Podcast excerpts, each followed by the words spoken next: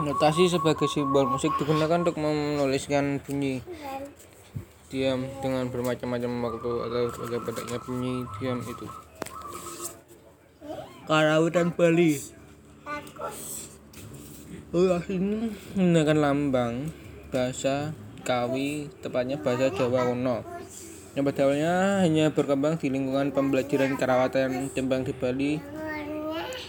Jalan dengan perkembangannya, notasi dingdong telah digunakan untuk menyelesaikan berbagai jenis gending pada gamelan Bali. Pada notasi tersebut dapat termasuk pada notasi angka dengan susunan dingdong nada pokok disimpulkan sebagai berikut. Selain nada pokok, dalam karawitan terdapat pula pada sisipan atau nada biasan. Nada tersebut dengan istilah lain disebut pada uparenggah suara Sunda, misalnya nada pamaring nada mulung. Bungur atau nada upang suara tersebut